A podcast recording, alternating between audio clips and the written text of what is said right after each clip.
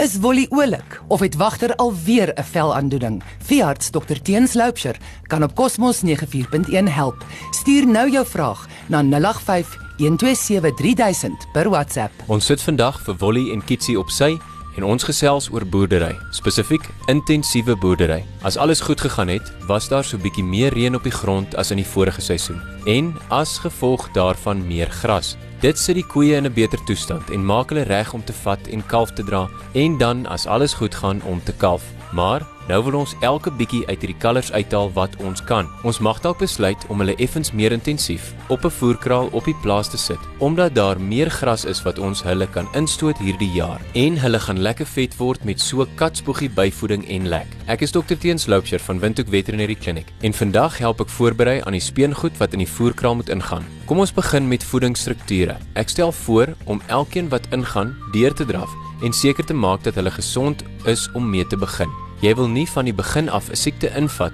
wat nou soos veldbrand onder die groep sal versprei nie. Onthou, ons gaan nou intensief. Dit beteken die diere is nader aan mekaar en dit lei tot siektes wat vinniger versprei.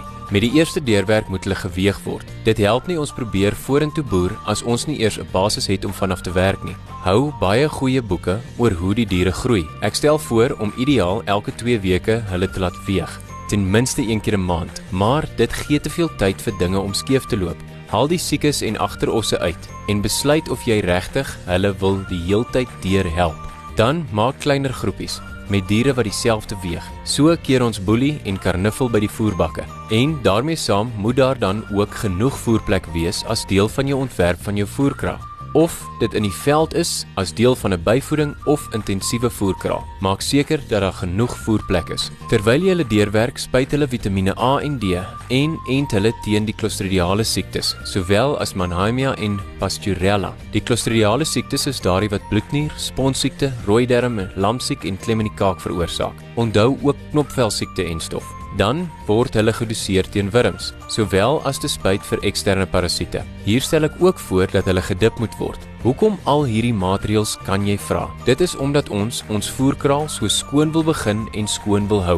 Onthou, die diere eet nou waar hulle mis en waar die ander mis. Al hulle normale doen en late is nou in 'n baie klein spasie. Al voer jy in die veld, kom die diere nou meer gereeld na die voerbakke en staan langer daar rond. Hierdie is die ideale tyd vir vliee om ooginfeksie en oogwurm of velwurm te versprei.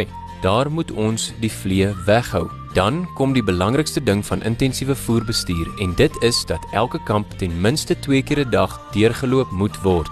Die wenresep gaan wees om daardie siek diere so vinnig as moontlik te kan identifiseer en behandel soos wat hulle heel eerste tekens van siekte wys. Dit gaan die verskil maak tussen sukses of ondergang. Hierdie is net 'n inleiding, 'n riglyn en elke boerdery en plaas is uniek. Bel ons gerus by Windhoek Veterinary Clinic. Ons het veeartse met jare se ervaring. Vra gerus enige vrae, of dit nou se behandeling is of boerplanne, of selfs as daar ver van enige raad iets met wolly of kiets gebeur. Ons weet hoe plaaswerf se diere almal saam boer.